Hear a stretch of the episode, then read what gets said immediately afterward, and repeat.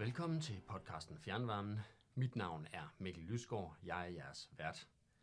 Dagens tema tager udgangspunkt i noget meget aktuelt, nemlig coronakrisen.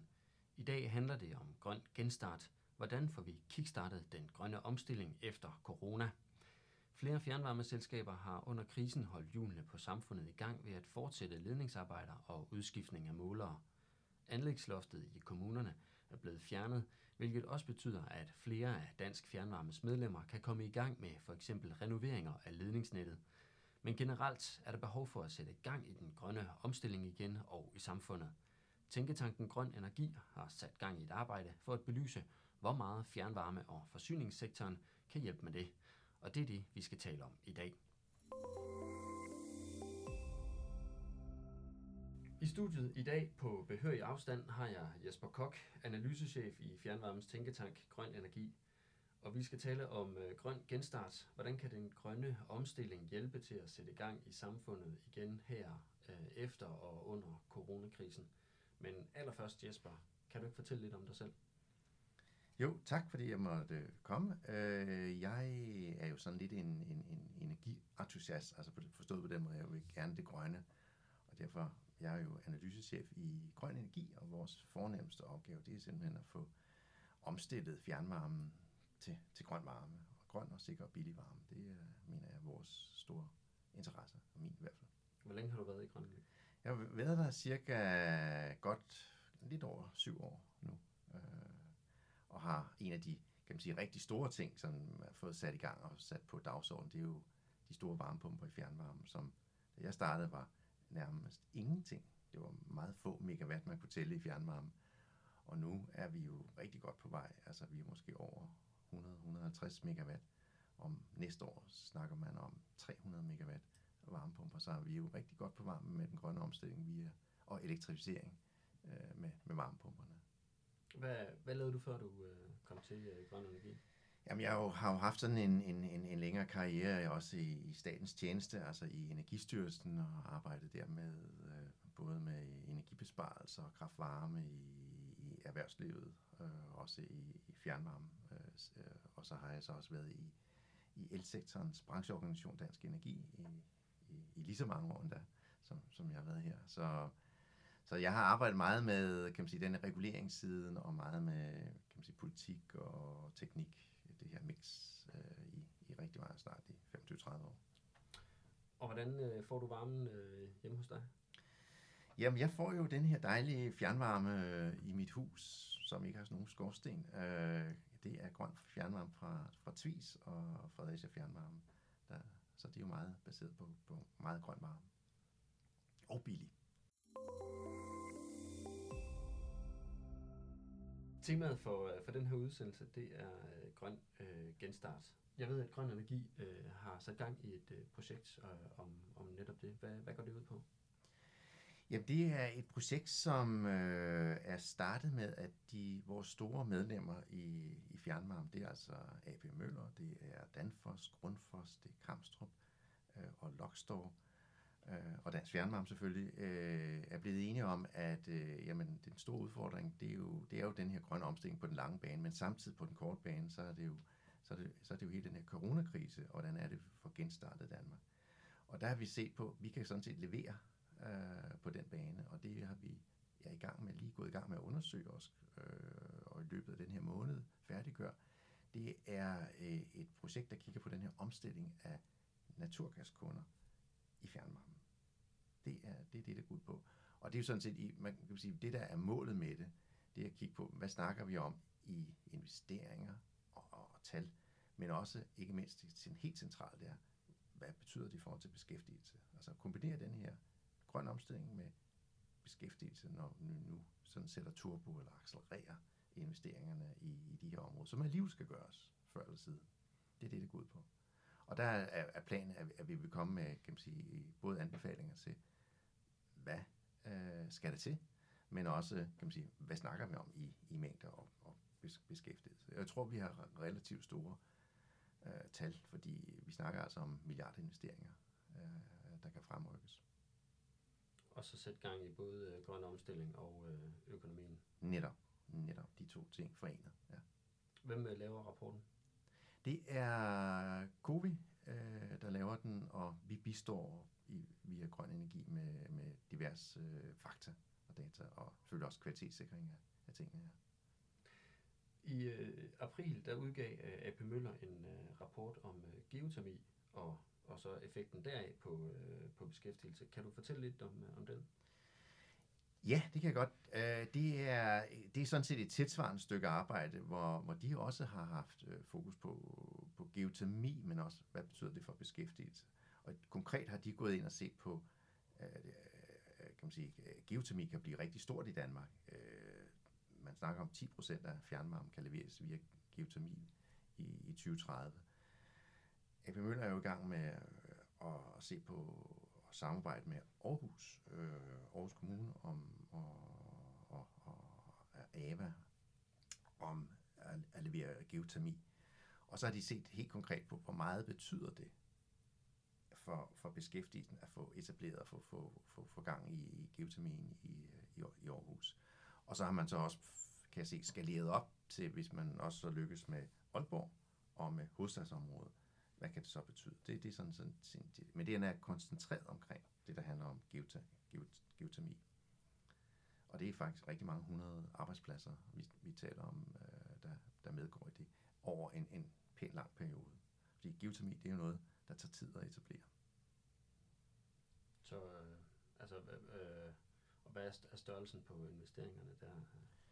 Og der snakker vi jo om alene i, i Aarhus øh, halvanden milliard Øh, så det er jo også øh, ganske pæne investeringer. Og så kan man jo begynde at gange op, når man tager hovedstadsområdet og Aalborg øh, med i, i, i beløb. Så det, det er meget, det, det er store investeringer, vi taler om.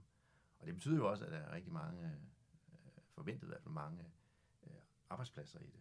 Og man skal også tænke på, at de arbejdspladser, det kan vi jo så se øh, allerede nu her, nu er vi allerede lidt i gang med vores projekt, at det er jo også meget blandt, øh, kan man sige, smede og altså kan man sige, også ufaglært arbejdskraft. Altså mange af dem, de mennesker, der er, kan måske være berørt af coronakrisen mere end, end måske nogle af os andre, der, der sidder måske mere i, i, i tryggere stillinger. Øh, så, så det er jo også, synes jeg, også en, en vigtig point i det her.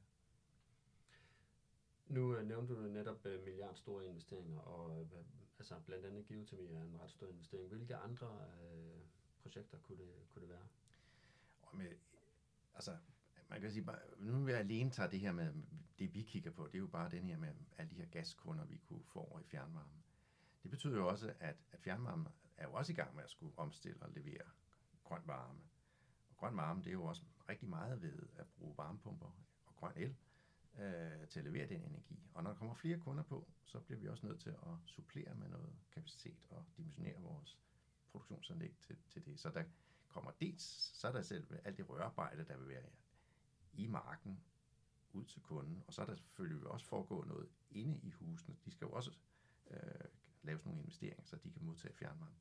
Men så er der så sandelig også inde på fjernvarmeværket deres omstilling. Og, og når vi, vi har jo tidligere øh, lavet, lavet konsekvensanalyser og beregninger på investeringerne frem mod 2030 i, af varmepumper i, i Danmark i fjernvarme.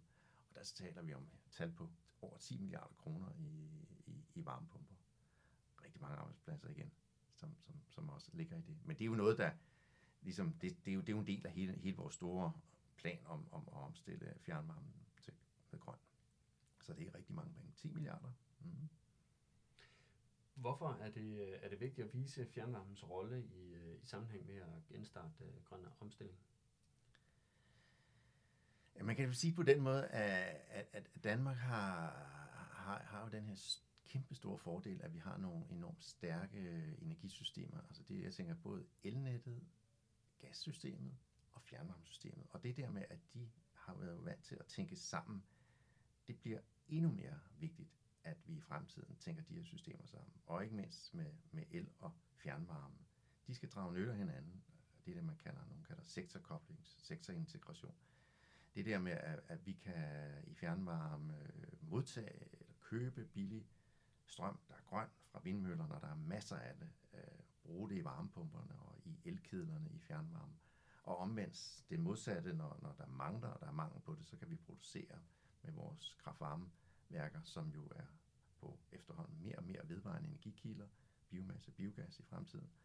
Øh, og på den måde sådan set holde den her balance, og så også via, at vi har vores store energilager i, i, i fjernvarmen, som en form for batteri øh, på varmesiden, øh, er med til at hjælpe kan man sige her, elsystemet med, at de ikke behøver at skulle øh, investere alt for mange penge i det, kun det, der er nød, absolut nødvendigt, og at fjernvarmen så kan gøre nytte af at få noget billig grøn øh, el til, og dermed levere billig øh, varme fortsat til, til kunder. Det er jo godt for samfundsøkonomi, det er godt for varmekunderne, det er godt for elkunderne, vil jeg også sige, i danske land. Så den der, den der, kan man sige, at vi får alle sammen glæde af det ved at, ved at tænke sammen, det, det øh, mener jeg er enormt vigtigt. Ikke? Og det kommer så også det her med, at nu, når vi skal have gaskunder, forhåbentlig få mange af de her gaskunder på, på fjernvarmen, at det er jo også en, en stærk og billig vej til at få, få dem over på noget grønt varme, i stedet for at de skal rode med, med, med individuelle systemer. Altså dem, der kan. Det er jo ikke alle øh, gaskunder, der, der kan komme på fjernvarme. Det er måske halvdelen. Men, men, men at de skal have chancen for at komme over på noget, noget, noget solid varme. Hvad, hvad kommer det her til at betyde for øh, fjernvarmeselskaberne? Jamen, hvis vi lykkes med det her og få, få altså nu, når vi taler om det her med, med, med bare det her med, med, med, med gaskunderne, jamen, så er det, at de, de skal jo simpelthen i gang med, med, kan blive, med, med tegne, tegnebrugsprojekterne. Jeg tror, at vi kan jo se, at vi har jo lavet øh, hedder det, interview med, med, med en, og fået, fået rigtig mange svar tilbage, at rigtig mange af vores selskaber har jo øh, i skuffen liggende projekter på konverteringer, som sådan har været lidt holdt tilbage af desværre gasselskaberne. Hvis der kommer hul på det, og vi får begynder at sætte gang i det, jamen, så er der selvfølgelig nogle ting, der skal ændres i, i kan man sige, projektbekendtgørelsen, og, og måske et par andre ting. Hvis det lykkes, Øh, så skal de jo ud med, kan man sige, med en stor spade og have fat i håndværker og så videre til at etablere øh, stikledninger og etablere varmeveksler og så videre, og måske også noget produktionsanlæg øh, inde på deres værk. Så det bliver en travl periode her i, i, de næste periode, i de næste år, og det tror jeg også, at vi får se, når vi bliver færdige med vores øh, analyse sammen med COVID om relativt kort tid. Kan, kan det enkelte fjernvarmeselskab selv gøre noget?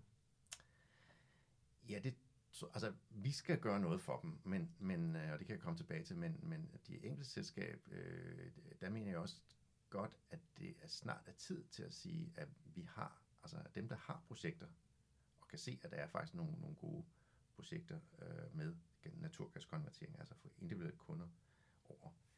Øh, det, det, det må, der må man godt rejse et flag, og så tror jeg også godt, at det vil være begynde at, at forberede, at, at der måske snart kunne komme noget, at man ikke ligesom pludselig bliver taget med bukserne nede, ikke, ikke rigtig for, altså, fordi lige pludselig, så kommer der hul på bylden, og så skal vi i gang alle sammen med at, med at, med at arbejde og med at, og, at lave projekter. Altså, og det skal de sådan med, være også klar på, at, at det kan ske måske øh, i løbet af efteråret allerede.